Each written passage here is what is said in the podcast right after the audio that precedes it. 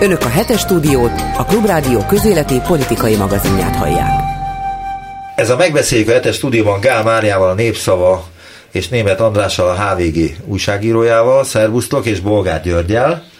Szia! És kezd, kezdjük Orbán Viktor pekingi látogatásával. Egyedüli Európai Uniós kormányfőként vesz részt az Egy Övezet, Egy Út program fórumán. Kedden pedig tárgyalt Szicsi Pingel és Vladimir Putyinnal is. Az eseményt úgy értékeli a nyugati sajtó, mint a nyugat országok dzsemboriát, a magyar miniszterelnök a találkozókkal egyértelműen kilép az európai vezetőktől elvárható szolidaritási keretből, mondta Szent Iványi István külpolitikai szakértő, korábbi diplomata az esti gyorsunkban. gyorsunkban.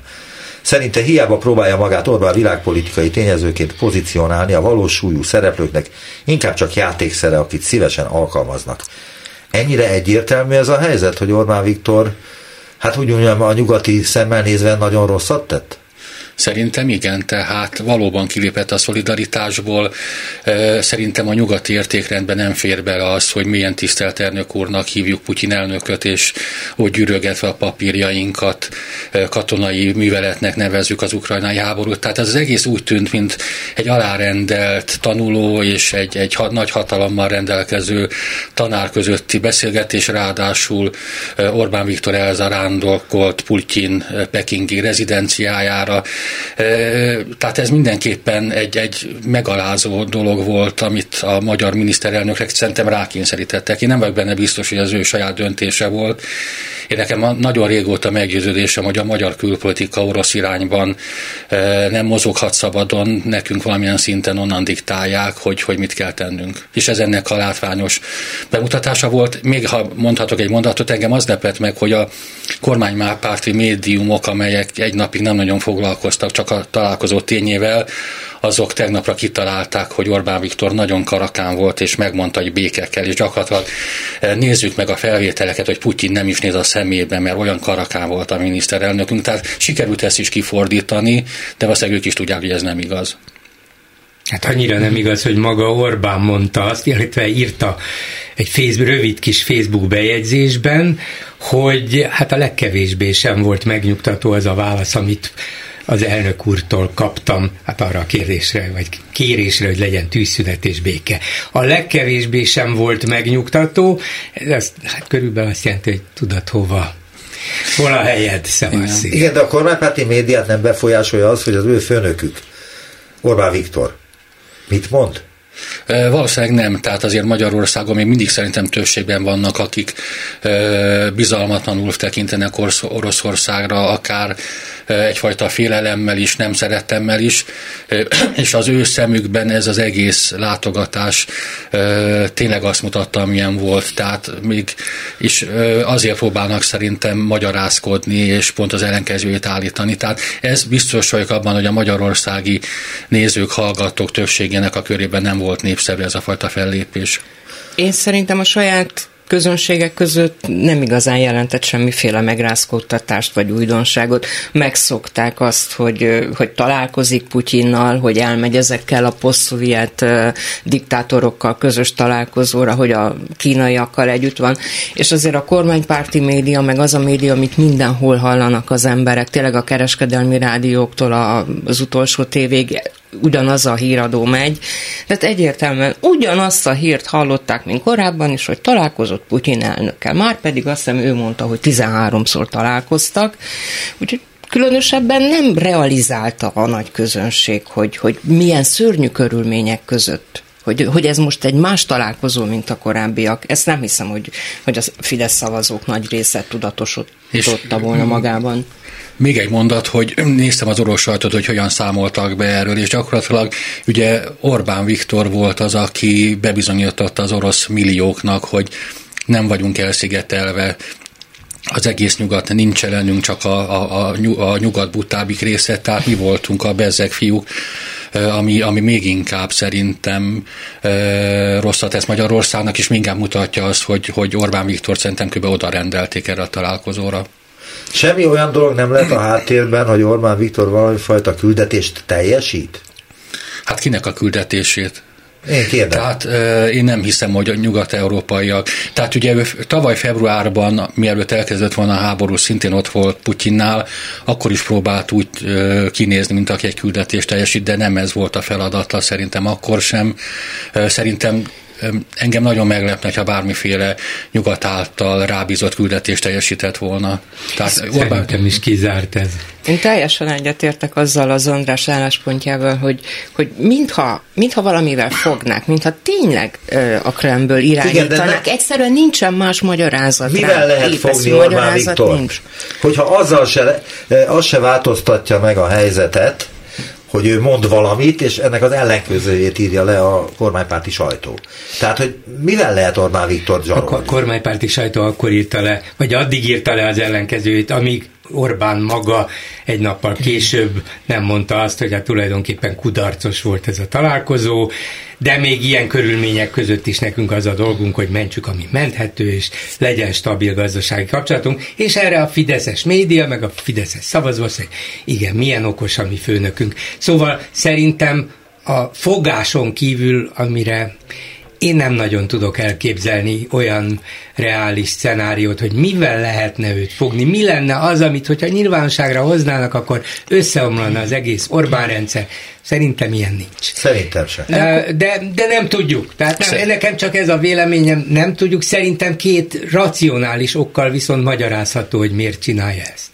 Az egyik, hogy a magyar választókat sikerült átgyúrnia, és szerintem tudta is előre, hogy ez nem lesz olyan nehéz feladat, hogy megmutatja azt, ami bennünk van egy magyar sajátosság, erre építi egyébként az egész politikáját.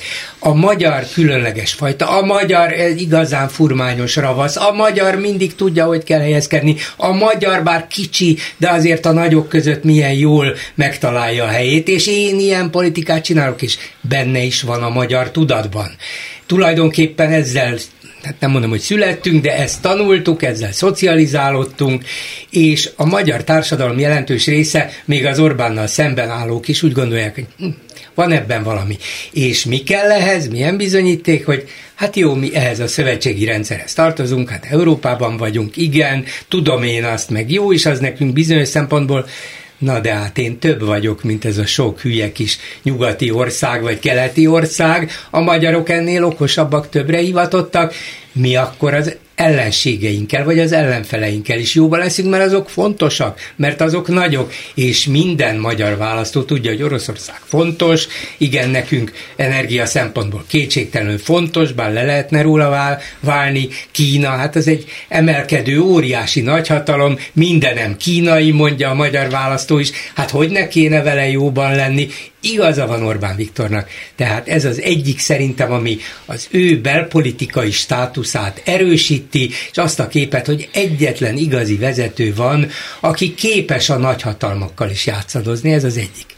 A másik pedig, hogy ezzel az orosz-kínai barátsággal, amit látványosan tol a nyugat képébe is, azt igazolja, hogy Hát tudjátok mit, én ezt is megengedhetem magamnak, mint ahogy megengedhette magának az állandó okvetetlenkedést Brüsszelben, különböző dolgokban, de úgy engedheti meg magának igazán, hogyha még ott van háta mögött Putyin, ott van a háta mögött Xi Jinping, hát ti megpróbáltok keménykedni velük, én pedig okos vagyok, látjátok, és megy. Szóval az ő nemzetközi státusát is úgy érzi, hogy ez emeli, és, és kétségtelen, hogy az egész világ vele foglalkozik, azért ezt ne felejtsük el, és a belpolitikai stabilitását és a támogatottságát is erősíti. Egy Fideszes, bocsánat, csak megjegyzek egy zárójeles megjegyzésben, hogy a fórumot csináltam ma is, ahol szóba került ez a téma is természetesen, ez péntek délelőttöt jelenti, vagy délt jelenti, és az egyik hallgató,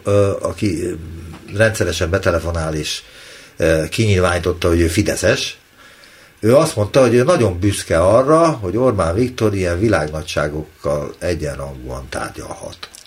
Tehát, hogy Szicsi Pingel és Putyinnal, és azt látja, hogy ennek a pici országnak, 9,5 millió embernek, egy ilyen másfél milliárdos, meg nem tudom hány milliós országok vezetőivel látja ők tárgyalni, és hogy még üzleteket is tud csinálni vele.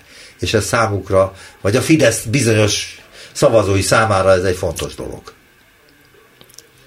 Én először akkor reagálnék arra, ami Gyuri mondott az előbb, hogy túl sokat kockáztat ezzel Orbán Viktor, mert valószínűleg tényleg okos és, és egy nagyon jó politikai érzékkel rendelkező közszereplő.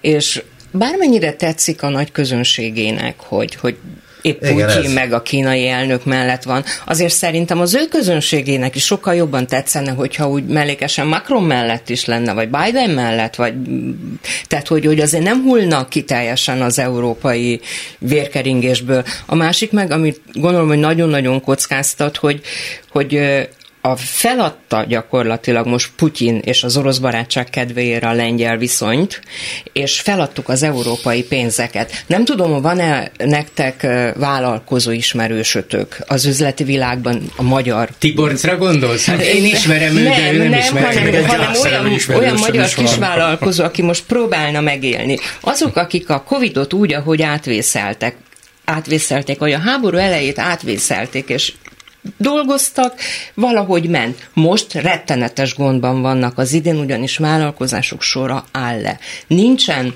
mert ez egy lánc, hogy nincsen Európai Uniós pénz. Valaki árul, az nem tudja eladni, mert a felhasználó nem tudja megvenni, mert hogy nincsen építkezés, nincsen bővítés, nincs semmi. Rettenetesen le van állva a magyar ipar. És ez ezzel nagyon-nagyon sokat kockáztat. Azzal, hogy az Európai Uniós pénzek nem jönnek be, az nagyon rá fog szakadni, hogyha ez így folytatódik. Nem fogja ezt e, tudni ellensúlyozni az orosz gázzal. Tökéletesen egyetértek veled, és amit a Gyuri mondott, hogy ugye Orbán Viktorral foglalkozik a nemzetközi sajtó és a világ is, de azért nézzük meg, hogy mennyire elszigetelt. Tehát amikor augusztus 20-án Magyarországra érkeztek a vendégek, tehát ezek vagy a türk diktátorok voltak, vagy pedig a parlament, vagy a kormányokból kiszorult szlovák, cseh, osztrák politikusok egyetlen egy Hát a nem türk, de ő meg szintén türk, tehát ez a türk testvériség. Igen, de ő a főnök. De ő is, ő is egy diktátor, elnézést, az, hogyha valakit megsértettem, de, de, de, csak diktátor barátaink vannak, vagy pedig... Na mi lehet az oka ennek, tessék? Hát a, a zsák és a foltja. Pontosan. Erről van szó, tehát az, hogy vele foglalkoznak, az, az nem, és amit mondasz, hogy, hogy tényleg veszélyezteti Magyarország nemzetközi. Ezzel egyetértek, Tudom, ez igen. Nem, nem, tehát attól tartok, hogy valóban sok mindenben egyetértünk. De, de, az, de, de most már az állampolgárai megélhetése is veszélybe igen, de kerül a, az, hogy az állampolgárai megélhetése veszélybe kerül, igen, ezt ő is tudja, és ezért éppen üstökön ragadja az inflációt, és leviszi a földre, és fejszével. És harcol, itt igen, mindig harcol. Ez jó, üstökön ragadta az inflációt. Most csak mennyi 12 és fél százalék? Igen, igen, igen, körülbelül annyi.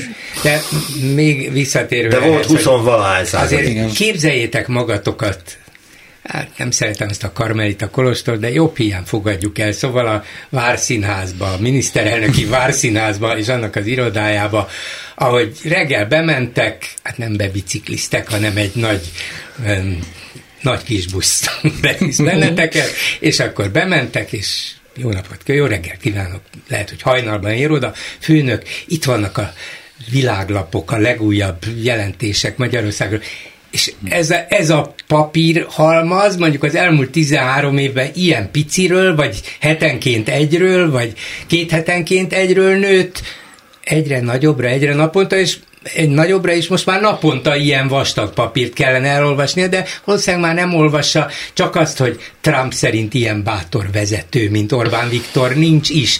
És azt mondott persze, hogy elszigetelődött, igen. De ő meg azt mondja, hogy a magyaroknak nem igazuk van, hanem igazuk lesz.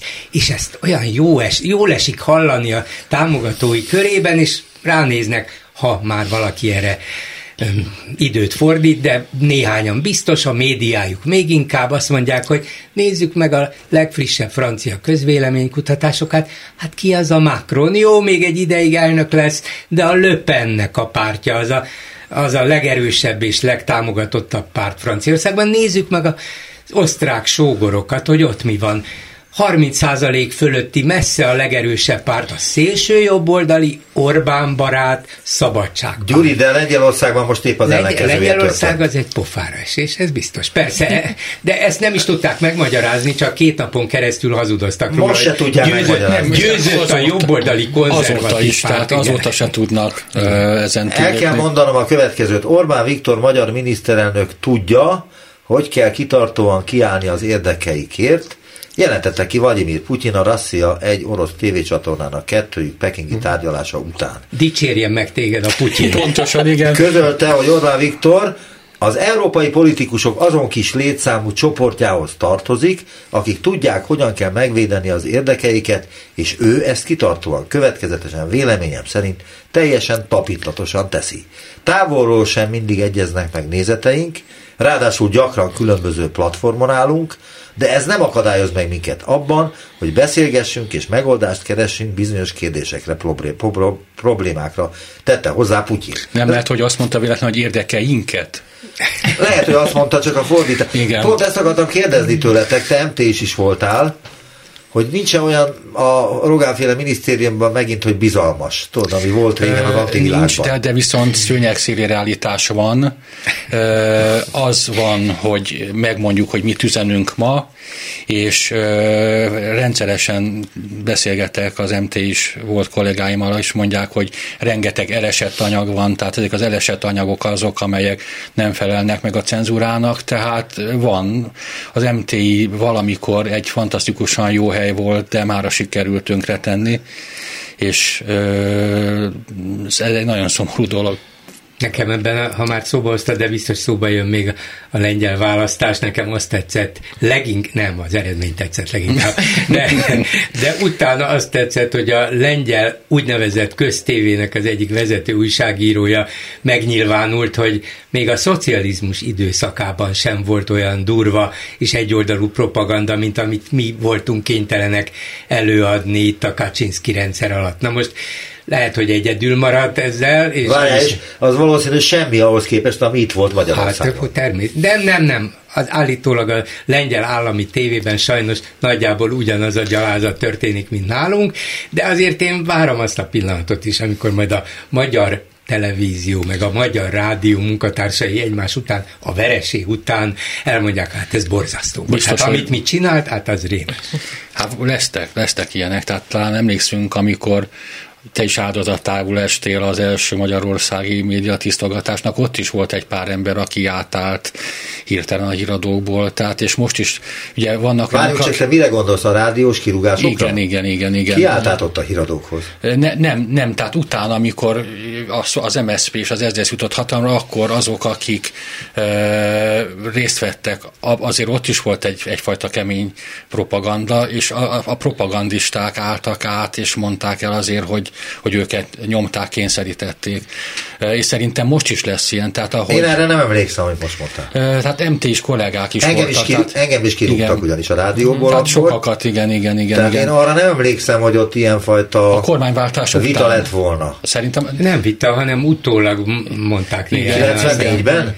Igen, igen, erre gondolom. Igen, igen, igen, igen. Nem emlékszem rá akkor, akkor lehet, hogy én emlékszem. Szerintem most, ez később volt, amit mondtam. Le, lehet, de és az is biztos, hogy ha itt ez a garnitúra a verséget szenved, akkor rend, rengetegen fogják mondani, hogy ők nem azt mondták, hogy éljen Viktor, hanem hogy féljen Viktor.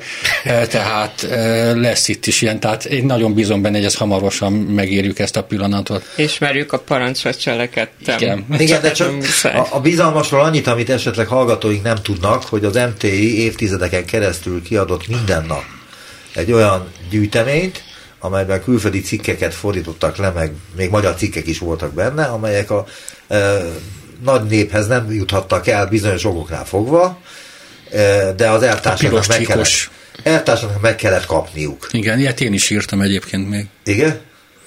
Hát ez elég ciki, hogy ez, a rogánék újra bevezethetik Miért? egyébként. Ő legalább megírta. Igen. Most, nem, most ezek az elesett anyagok, tehát ezek ugye elkészülnek a lelkiismeretes jó tudósítók tollából, és nem kerülnek ki a közönséghez. De valószínűleg oda kerülnek a Fidesz vezetéséhez természetesen. Hogy most piros csikka le, vagy narancs csikka lesz, nem Akkor tulajdonképpen igen. igen. De lehet, hogy most adtál nekik egy ötletet, te, hogy ezt össze kéne foglalni minden reggel. De amúgy hát a lengyel lehet. média a köztévé lehet, hogy ugyanannyira meg volt szállva és le volt nyúlva, de összességében a médiapiac Igen, nem volt jobb. ennyire megszállva. nincs kesmájuk. Nincs azért is, de azért is tudott nyerni a, az ellenzék. Azért mert ismerjük mert be, hogy a mi körülményeink között nehezebb. Hát az ottani... A mi körülményeink között valaki azt állítja, hogy nem lehet megbuktatni Orbán Viktort.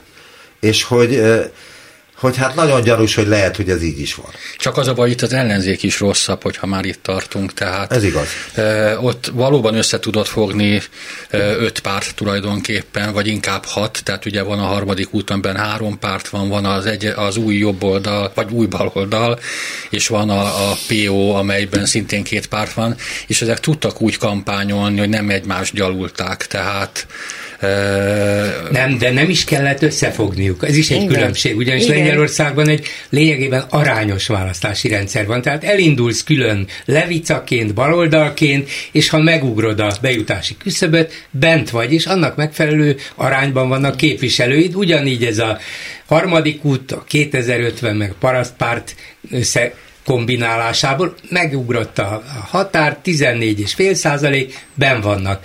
Tuska 30 és fél százalékával annyit kapott. Hát összeadjuk ezt 53 százalék körül, annyival győztek itt a, a parlamentben. Magyarországon ez nincsen. Tehát itt, itt, itt valóban össze kellene fogni, mégpedig hihetően, úgy, hogy a, a közönség azt mondja, hogy na jó, ebben hiszek, én ezt támogatom. Hát az elég nehéz, hát hogy különböző nehéz, ideológiái persze. pártok. Tehát nálunk az ellenzék is azért rosszabb, mert sokkal rosszabbak a körülmények, sokkal mostohábbak a körülmények.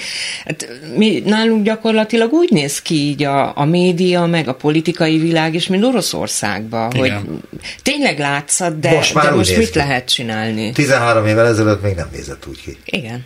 Igen. De 13 év alatt nagyon szépen el lehetett intézni azt, hogy egy aránylag demokratikus sajtó világból egy totális diktatúrát kovácsoljon Orbán Viktor, amelyben van egy kesma, ami önmagában is törvénytelenség, hogy létezik, de senki nem tesz ellene semmit. Tehát az alkotmánybíróságnak már réges-rég fel kellett volna de, lépni de, ezzel. De hát ez gaz, nemzetstratégiai szempontból, ugye a gazdasági versenyhivatalt levették hmm. róla, pont. Ahogy leveszik arról, hogy szabad-e megsérteni a környezetvédelmi el, előjásokat Budapesten a déli körvasútnál. Bizonyos embereknek szabad. Azt mondják, hogy miért ne? Hát éppen háború van. Úgyhogy háborús Várjál, és az akkumulátorgyáraknak is. Ó, így van, így van. Tehát nálunk mindent szabad, de éppen ezért volt az első lényeges lépése az Orbán kormánynak a 2010-es győzelme után, hogy új médiatörvényt fogadjon el. Ez a, és onnantól kezdve a dolog elindul. Ez a megbeszéljük a hetes stúdióban Gál Máriával, a Népszabadság újságírójával. Szava. Népszabad, népszabadság már nincs. Elnézést, vágás kell itt akkor mindenképpen, mert tényleg Vágást eszközlünk. Népszabadság nincsen. Tehát ez a megbeszélés ez a megbeszéljük a hetes stúdióban Gál Máriával, Népszava újságírójával, Német Andrással, a HVG újságírójával és Bolgár Györgyel, és én még egy darab mócsingot le szeretnék rágni Orbán Viktorról a pekingi látogatása kapcsán. Mert azért erős volt. Az, hogy, a, hogy, hogy az Orbán-Putyin találkozó miatt összeültek a NATO tagországok nagykövetei és a svéd nagykövet, Azért ültek össze, mert a NATO tagokat egyre nagyobb aggodalommal tölti el Magyarország mélyül a kapcsolata Oroszországgal, miközben Moszkva agresszorként áll háborúban Ukrajnával. E, hát erről beszéltünk eddig, de ezek szerint itt valami fajta dolog készül itt, nem? Vagy valami lépésre gondolnak, ami nem tudjuk, hogy mi lehet, de hát miért ültek össze? De az amerikai nagykövet azt is mondta, hogy egyértelműen továbbra is szövetségesek vagyunk, és szövetségesnek tekintjük ez Magyarországot. Ez csak, csak szeretnénk, hogy aggodalmainkat kifejezhessük, és azt komolyan is vegyék. Világos. Tehát ez egy jelzés volt, egy üzenet. De, de, a gyakorlat, de már kaptunk jelzéseket. Meg a gyakorlatban is, tehát azért az mindenképpen e, figyelemre méltó, hogy úgy hívtak össze egy NATO magasrangú tanácskozást, hogy nem hívták el Magyarországot e, Ukrajna ügyében, tehát szerintem egyre inkább itt is a perifériára. Ez nem, erre, nem, nem, nem, nem, nem, nem, erre, nem, nem, nem, erre, tehát nem erre utal, de ez korábban történt, tehát e, én úgy gondolom, hogy, hogy valamit elhatár határoztak ezek, ezen a tanácskozáson, tehát nem tudom, hogy, hogy, hogy mit lehet eldönteni, de én úgy érzem, hogy az Európai Unióban és a NATO-ban is kezdünk kiszorulni. Tehát a, az ismerőseim azt mondják, hogy nem feltétlenül osztanak meg minden információt a nato belül Magyarországgal, mert attól tartanak, hogy ezek rossz helyre kerülnek. Azt is tudjuk, hogy egyre inkább van ez az EU-s terv, amely szerint az eurozóna egy külön sebességű Európai Unió lenne és a perifériára szorulnának a... Várjunk, csak állj meg egy pillanatra. Itt a Gyuri említette, hogy a Lengyelországról még lesz szó, hát akkor legyen most szó, mert itt érdekes ez a dolog, mert hogy a lengyelek eddig a Európai Unióban legalábbis a szövetségeseink voltak. Tehát lehetett rájuk számítani egy csomó dologban, amelyben az Európai Unió nem nagyon akart Magyarországnak engedni. De most a legfontosabb szövetségünket elvesztettük a Lengyelországon. Igen. Akkor most mi, milyen intézkedéseket fog az Európai Unió hozni azokkal az ügyekkel kapcsolatban, amelyeket eddig még nem mert meglépni. Éppen most készülnek a megegyezések, erről halljuk a híreket, hogy most már aztán tényleg, de nem csak Navracsics mondja, hanem még mások is, akiknek Brüsszelben De ez nem jött be eddig, amit a Eddig nem jött be, de egyszer bejött. Az Európai Uniónak azért legyen világos, nem az a célja, hogy Magyarországot kiszorítsa a szövetségből, nem is az a célja, hogy halára éheztesse, az a célja, hogy Magyarország teljesítse azokat az elvárásokat, amelyeket az Unió megfogalmazott. Miután egy csomó dologban mi formálisan megtettük, amit kértek, hogy tartalmilag mennyire az majd eldől, de ha az Unió úgy ítéli meg, hogy ez tulajdonképpen rendben van, az is tulajdonképpen rendben van, egy kicsit normálisabb, kicsit demokratikusabb, kicsit számonkérhetőbb lesz ez a rezsim, akkor azt fogja mondani rá, a magyarok érdekében is, meg a saját érdekében is, hogy jó, rendben van, ezt megcsináltátok, ezért aztán feloldjuk a tilalmat, ennyi és ennyi pénzre. Egyébként a többi esetben meg még több pénzre továbbra is fennmarad ez a felfüggesztés, úgyhogy nem, nem hiszem, hogy, hogy feltétlenül arról van szó, hogy ki akarnak, sőt, biztos vagyok benne, nem akarnak kiszorítani bennünket, hanem arra akarják rávenni Orbánt, hogy legalább a minimális játékszabályokat tartsa be. De közben az, az is látszik, hogy egyre inkább haladnak a, a konszenzusos határozathozatal a többségihez. Tehát ez e, a renitenseket azért a döntéshozatal részéből ki akarják szorítani, és ez e, kimondottan rossz egy kis országnak, amelyik ugye nem vesz részt, nem vett részt komoly döntésekben, és Magyarország nem egy nagy ország, bár Orbán Viktor annak mutatja.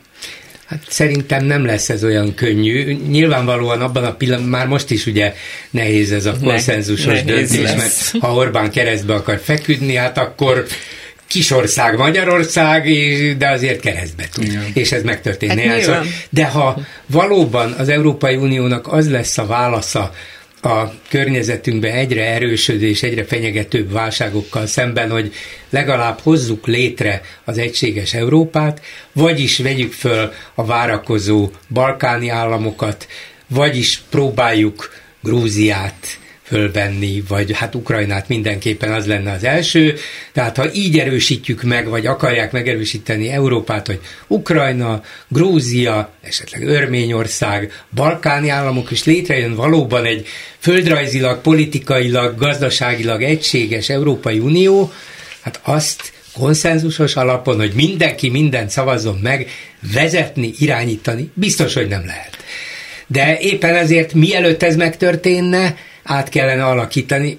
Miután azonban Orbán azt látja, hogy az ő hatalma befolyása csökkenne azáltal, hogy nem mondhat nemet, vagy legfőjebb úgy mondhat, hogy kisebbségben marad, ezért szerintem ő is, meg egy-két másik ország is akadályozni fogja, ameddig csak bírja. A magyar példa szerintem arra jó volt az Európai Unió számára, hogy minden döntéshozót rádöbbentett, hogy tehát így nem lehet. Tehát az, hogyha nem módosítjuk a szabályokat, az alaptörvényeket, akkor, akkor tovább lépni nem lehet. És azt nem hiszem, hogy ilyen feltételek mellett, tehát ezekkel a, az alaptörvényekkel bővítés legyen.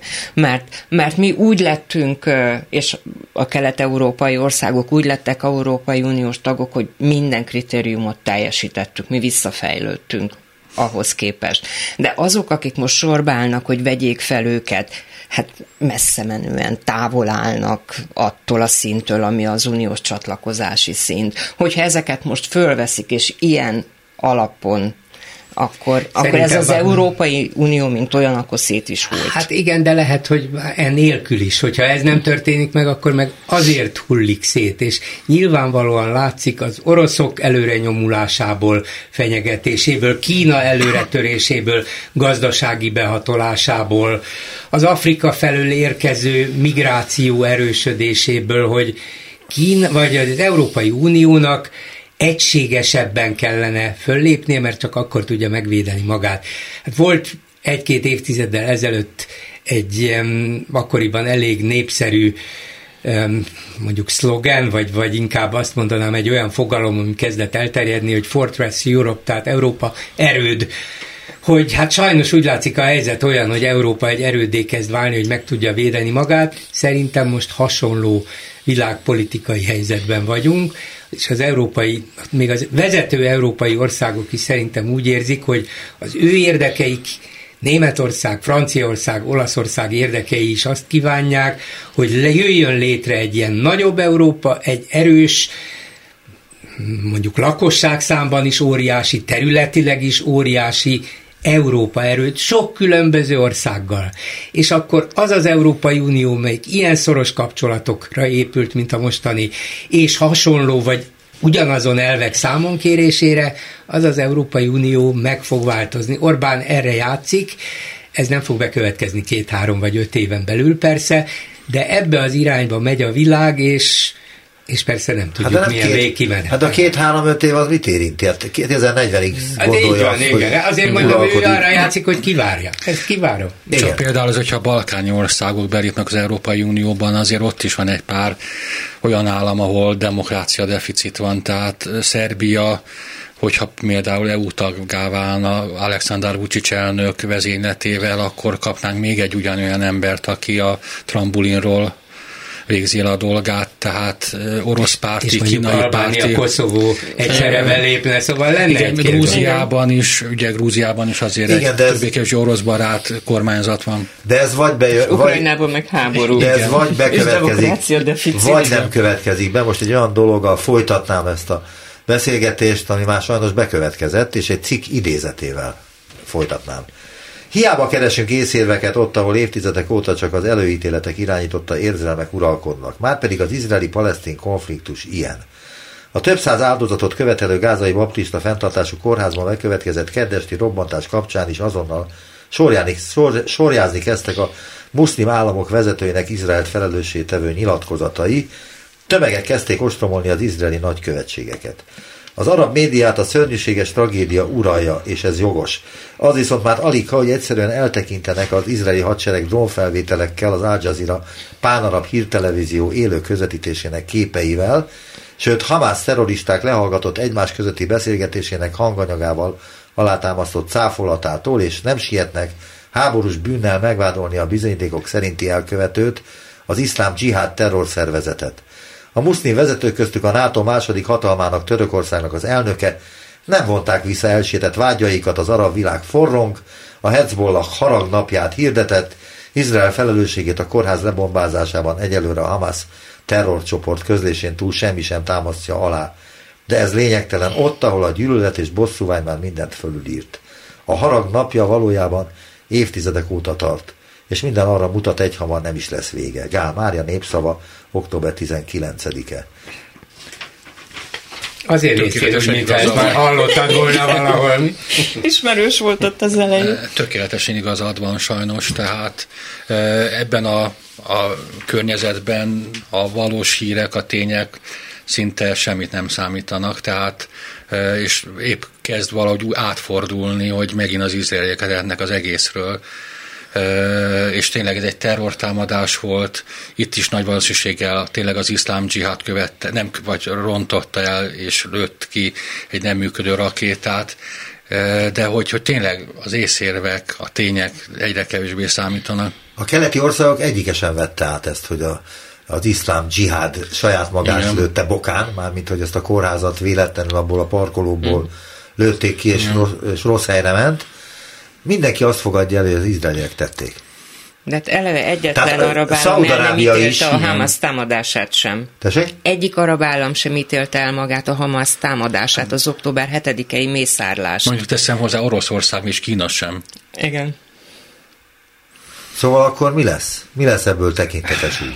Hát lehet, hogy amikor Joe Biden megérkezett Izraelbe, akkor ő is ezt kérdezte Netanyahu-tól, hogy na most akkor mi lesz. De most eljátszhatjuk itt a, hát nem játszhatjuk el, őszintén így gondoljuk, hogy felháborító, hogy világ, a nyugati világban, demokratikus világban is tömegek ítélik el azt az Izraelt, ami még tulajdonképpen csak igyekez, minden esetre igyekszik célzott légicsapásokkal megsemmisíteni a Hamaszt vagy a Hamas katonai szervezetét, és, és mégis tulajdonképpen ez még meg se kezdődött, és már a palesztinokat támogatták sokan, és Izraelt ítélték el, mintha ő volna a felelős azért, hogy hát szegény palesztinok mit csináljanak, hát rátámadnak Izraelre, szegény, szerencsétlen, ártatlan családokra, gyerekekre, csecsemőkre, hát ez van akkor, hogyha ti ennyire nem adtok jogokat a palesztinoknak. És ez biztos, hogy itt fog velünk maradni sokáig, mert tényleg itt van az a sok évtizedes probléma, hogy itt van Palesztina, és vannak palesztin arabok, sok millióan, és nincs önálló államuk. És ezért jött vissza rendszeresen ez a közel-keleten az egyik megoldási lehetőség, hogy legyen két állam, Izrael, és legyen egy önálló palesztin állam és sokszor bukott meg, nem feltétlenül Izraelen, hanem, hanem különböző egyéb feltételeken, és a gázai övezetben végül győztes Hamas pedig a mai napig nem hajlandó elismerni, hogy Izrael létezik, hogy ez egy önálló állam, hogy erre joga van, el akarja törölni. Ezen az alapon persze se két állam nem lesz, de még az is lehet, hogy gázai övezet sem, vagy megint annektálja Izrael, mert jobbat nem tud. Úgyhogy, hogy mi lesz, ezt nem tudjuk. Várjál csak, most is hogy... Izraelhez tartozik, ugye? Az nem, nem, nem, nem, nem. Kivonult 2000... Autonóm terület, de kihez tartozik? Senkihez. Tehát nem állam. Nem, nem, nem állam, de nem is Izrael része. Tehát, tehát hogy van egy olyan terület, amelyik voltak éppen a senki földje? Nem, hát, senki, a palesztinoké, csak a nem palesztin, a, Van, a palesztin hatóság van, Igen. ami kvázi államként működik, de mégsem teljesen állam, de ugye tehát van egy egyrészt Cisjordánia, másodszorban van a gázai övezet, de, de tényleg ez egy ilyen köztes helyzet, de nem Izrael része. Tehát ugye Izrael ki is vonult onnan 2007-ben, 2005-ben. Igen, az nyilvánvaló, hogy ott már nem tehát nincsenek izraeli katonák, Igen. és nincsenek izraeli hivatalnokok se. Nem. Az, tehát ez nem Izrael része. Tehát ezt átadták a palesztin hatóságoknak, csak a Hamásznak adták át, a Én... palesztin hatóság csak Cisjordániában De, de volt választás volt, tehát a palesztin, a palesztin hatósághoz került, és Igen. rendeztek egy választást, és a Hamász győzött. Tehát a Hamász felelős mindenért, ami ezen a gázai területen történik. Igen, és azt hiszem azóta választás sem volt. Tehát nem ugye, volt. És nem, a választásokon a Hamász ért. 2005-ben vagy 2007-ben. Majdnem 10 éve. Vagy... Hát több mint 10 éve, tehát azért jobb helyeken azért ennél sűrűbben tartanak 16 választást. éve, bocsánat. Igen. igen. Szóval, hogy mi lesz, ezt nem tudjuk. Biztos, hogy... hogy De van egy kérdésem ehhez, amit egy mai hallgató gyil, dobott be. Gyilkos katonai konfliktus lesz, és az biztos, hogy Izrael nem hagyhatja annyiban.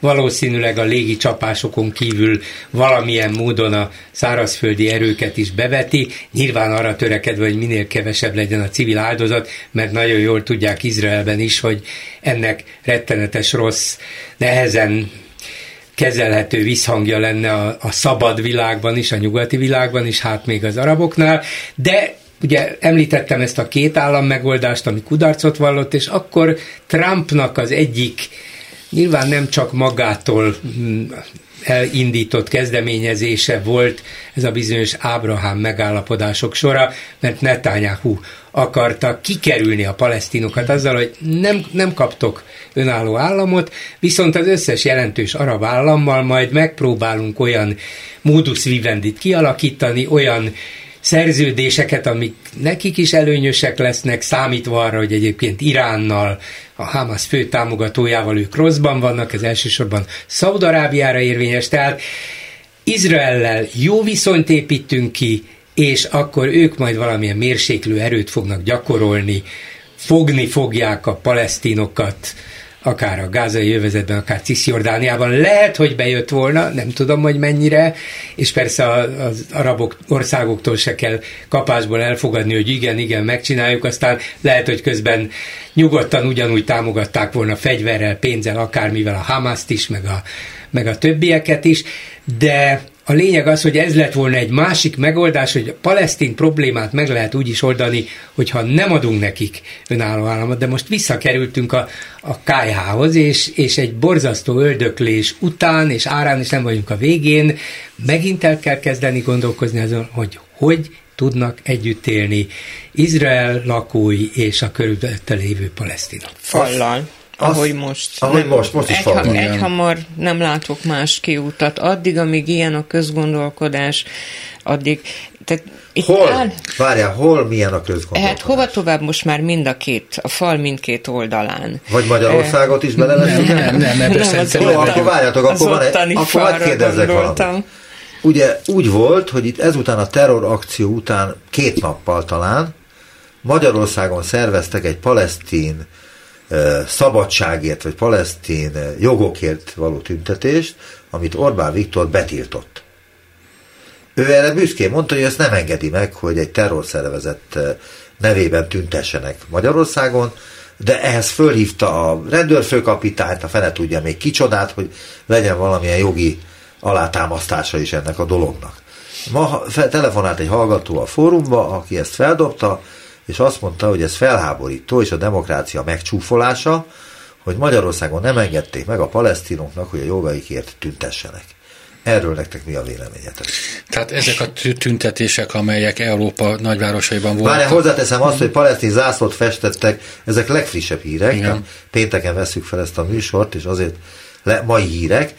Palesztin zászlót festettek a nácizmus áldozatainak emlékművére Németországban. Vasárnap este egy környékbeli férfi Hasonló esetről tett bejelentést a Szárbürkentől, mint egy 20 kilométerre fekvő Najenkirchen városának egyik busz megállójába is két palesztin zászlót festettek. Tegnap előtt egy zsinagógát dobáltak, vagy próbáltak megdobálni molotov koktéllal. Tehát, hogy ezek a dolgok, ezek nem egyértelműek, legalábbis úgy tűnik. Hát ezek egyáltalán nem egyértelműek, és azért azt látom, hogy az eddigi európai palesztin párti tüntetések mind abba torkoltak, hogy helyeselték ezt a terrortámadást, és erre valóban nincsen szükség szerintem. Egyrészt igaza más... volt-e Orbán Viktor? Igaza. Én szerintem igaza volt. Nehéz kimondani, de ebben Mert az... Én is ezt mondtam a hallgatónak, akivel hosszú, nagy vitába voltunk emiatt, és azt mondtam, hogy benyújtották, hogy ugye a palesztinok jogaikért, jogaiért akarnak tüntetni. Csak egyetlen egy sarok kell ahhoz, hogy eljussanak oda, hogy, a, és hogy antiszemita és egyéb igen. szólamok hangozzanak fel, akkor, amikor olyan szörnyűség történt Izraelben, ami történt. Tehát azért tudjuk, hogy a, nem eszembe most volt egy arab hölgy, aki el, egy autóbuszon több tucat izraelit ölt meg, és róla például iskolát neveztek el a gázai vezetben, tehát e, tehát én mondom, én attól tartok, és látván ezeket az eddigi tüntetéseket, ezek mind antiszemita, Izrael ellenes és a terrorakciókat támogató tüntetéseké fajulnak. És ebből milyen következtetéseket vontok le? Azt, amit te is levontál, hogy ebből nagyon sokáig nem lesz béke, és tényleg mind a fal, mind a két oldalán. Ilyen, csak ennyi, hogy nem lesz béke? Nem, akkor háb, tehát ez a válság, ez mélyülhet, tehát én attól tartok, hogy egész Európában, Izraelben, komoly terrorcselekmények lehetnek, tehát e, már most ugye látjuk ezek spontán akciók, és egy igazi e, nagyot szóló tragikus terrorcselekmény megszervezéséhez hetek, hónapok kellenek, de nem tudom kizárni, hogy, hogy ez, ez lesz az egyik cél. A második sor, én nem tudom, hogy, hogy bevonul-e végül Izrael a Gázába, vagy nem. Megteheti azt, hogy nem vonul be? Na hát ezt akartam mondani, hogy szerintem Izrael itt katonai szempontból erősebb, de nem tudja, tehát nem tud igazán győzni. Tehát, hogyha bevonul a Gázába, akkor lesz, ott lesz két millió palesztin, akinek nem lesz háza, ruhája, bútora, és ez egy meleg ágy annak, hogy, hogy még inkább szélsőségesé váljon ez a népesség. Szerintem nem ez az oka, hogy nem vonulnak be eddig. Hát én azt gondolom, hogy a Hamas, amit csinált, annak egyértelmű következménye, hogy az izraeliek bevonulnak a Gáza, Gázába.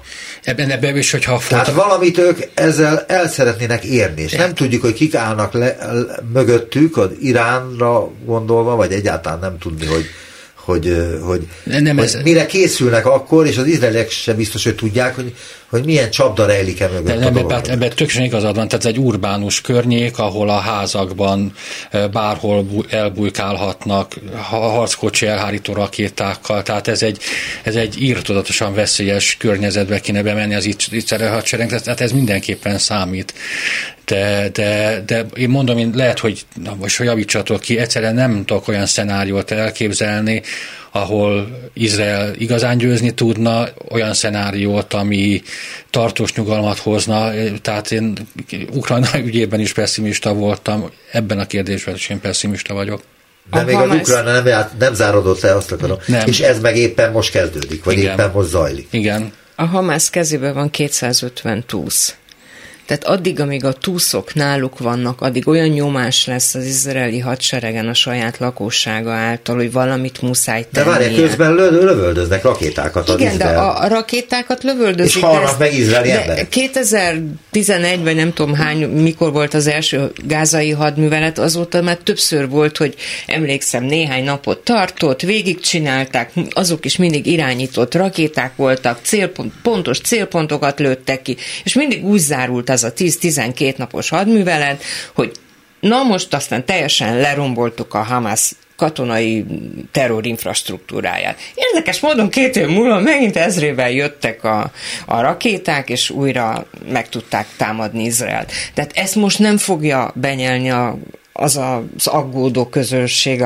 ott várja, hogy 250 emberreivel mi lesz. Vagyis nem teheti meg muszáj- Izrael, hogy ne vonuljon be Nem. a Gáza fenség. Eddig soha nem mondták azt, A gázai hogy, övezet. Igen. eddig soha nem mondták azt, hogy felszámoljuk a Hamászt. Mindig felszámolták az aktuális válsághelyzetet, és épp valamilyen terrorcselekményre válaszoltak. De most azért konkrétan bejelentették, és már Biden elnök is azt mondta, hogy föl kell számolni a Hamászt. És az is elhangzott azért, hogy a gázai vezet sem úgy fog kinézni a jövőben, mint eddig, tehát hogy egyes részlet lehet, hogy aknektálni fogja Izrael. Igen, feltételezem, bár nem vagyok se katonai stratéga, sem közel-kelet szakértő, hogy nyilvánvalóan be kell, hogy vonuljanak, már csak a hazai elvárások miatt is az izraeli fegyveres erőknek, és ott valamilyen rendet fognak csinálni, nyilván sok áldozat árán. Valami olyan köztes megoldást szerintem legalább a következő évekre valamilyen biztonságot ígérve megcsinálnak, hogy hogy a gázai övezetnek az Izraellel határos részén, hogy ez 5 kilométer széles lesz vagy 10, vagy nem tudom, ott gyakorlatilag egy olyan katonailag kiépített terepet hoznak létre, amin áthatolni sokkal nehezebb lesz, mint amilyen most volt ezzel a váratlan támadással. Ugye átvágták a kerítést, és akkor mentek át a motorosok, meg, a, meg az autók. Meg és, a hát- meg, igen, igen, igen. De hogyha lesz egy, egy ilyen elválasztó zóna, amit katonailag, ahol senki nem lakik, de katonailag az izraeliek ellenőriznek, akkor ezt nyilván nehezen megtenni. Szerintem valami ilyen lesz ez a köztes megoldás, ez se fog kevés áldozattal járni, mondom, de ezzel talán meg lehet nyugtatni az izraeli lakosságot, és talán még a világ is előbb-utóbb el fogja fogadni. De hogy aztán mi lesz?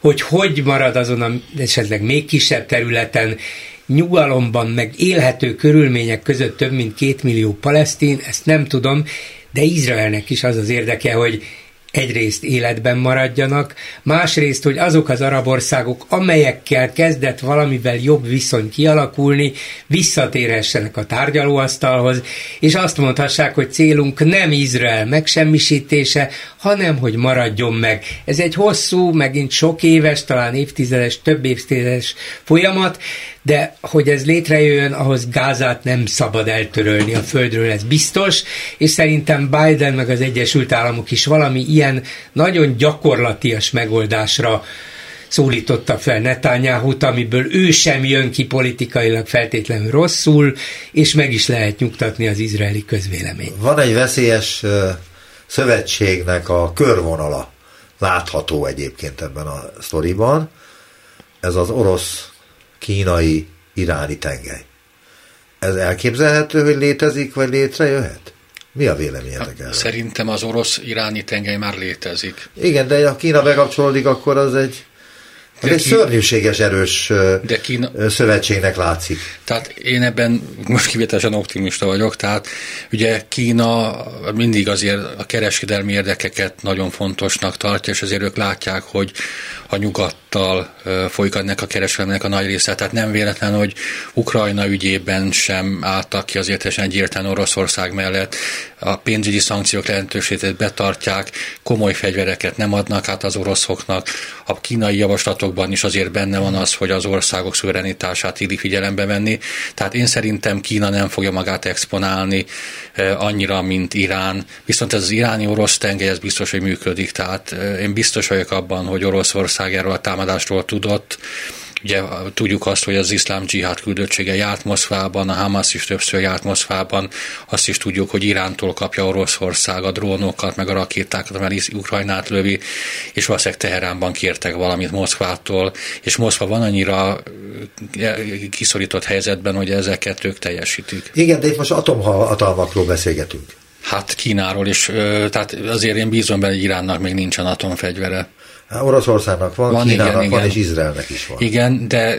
Hivatalosan akkor... Izraelnek sincs. nincs. Hivatalosan nincs, de úgy tudni van 20 darab atom igen. töltete, amelyet... De a nagyhatalmakkal szemben ez nem igazi. Igen. Ez nem igazi erő. Igen. De van valamennyi, legalábbis a környező országokkal szemben azért ez, ez jelentős szám.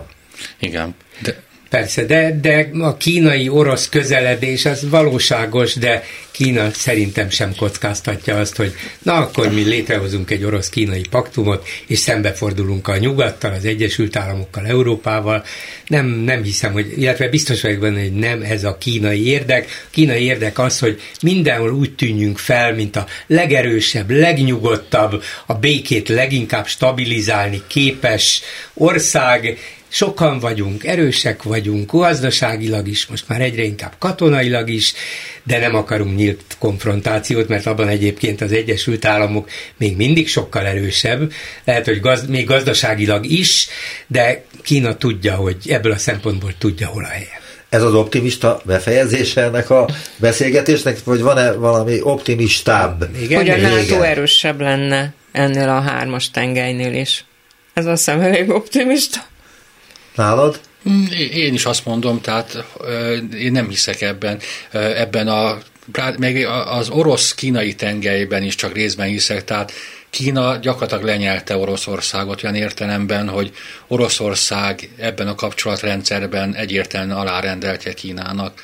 Ez nem tudom, hogy ez optimista-e vagy nem, de hogy Oroszországot nagyon legyengítette ez az ukrajnak kaland, az biztos és Kína soha nem fog olyan mértékben belemenni egy energiafüggőségbe Oroszországtól, mint az Európai Unió, tehát Oroszország egyértelműen alárendelt ebben a kapcsolati rendszerben. Végszó?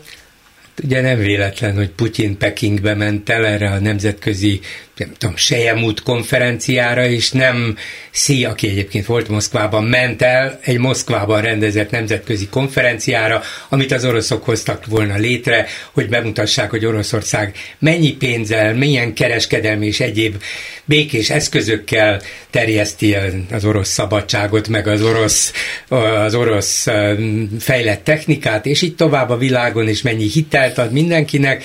Ezért aztán szerintem az a, az a helyzet, hogy ott volt Putyin ugyan, de mégiscsak szíölelő karjai között ez mindent kifejez. Ez volt a Megbeszéljük a hetes stúdióban Gál Máriával, a Népszava újságírójával. Nagyon szépen köszönöm, hogy eljött. Német Andrással, a HVG újságíróval, neked is, és Bolgár Györgyel. Köszönjük szépen. Köszönjük a meghívást. Köszönjük a figyelmüket, a műsor készítésében részt vettek Lantos Dániel, Horváth Ádám, Túri Lui, a szerkesztő Csernánszki Judit nevében is elköszön önöktől a műsorvezető Najman Gábor.